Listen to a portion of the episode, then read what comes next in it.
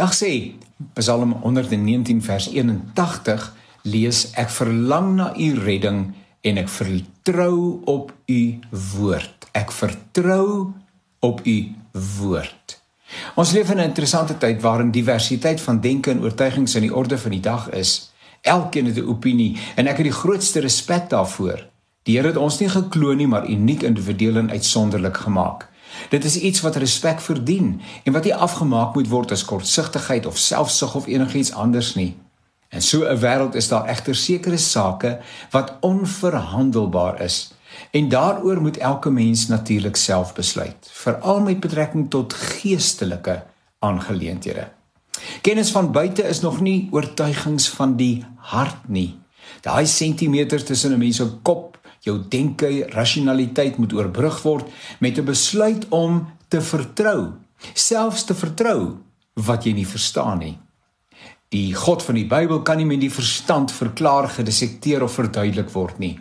Hy is groter en meer as enige iets waarmee ons al ooit gekonfronteer is. Dink maar net aan God se alomteenwoordigheid. Hy is in sy volle heerlikheid hier by my en daar by jou. Dink aan sy alwetendheid. Daar is niks maar niks wat God nie weet nie. Nou probeer dit verklaar. Dink aan sy almag. Daar is absoluut niks wat hy nie kan doen nie. Juist daarom is hy God en ons mense die produk van sy hande werk. Gelowiges moet besluit wat onverhandelbaar is in terme van hulle geloofservaring en getuienis.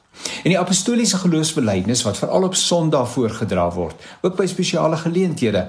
Dit is natuurlik 'n merkwaardige opsomming van die kernwaarhede van die skrif. Ek glo in God die Vader, die Seun en die Heilige Gees. Ek glo aan die skepping, ek glo aan die koms van die koninkryk, die Heilige Gees. Noem maar op, net al daai verskillende elemente van die sogenaamde apostoliese geloofsbelijdenis.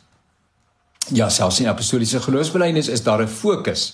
Daar's ruimte vir mense om te verskil. Dink nou maar byvoorbeeld aan die manier waarop die wederkoms gaan plaasvind.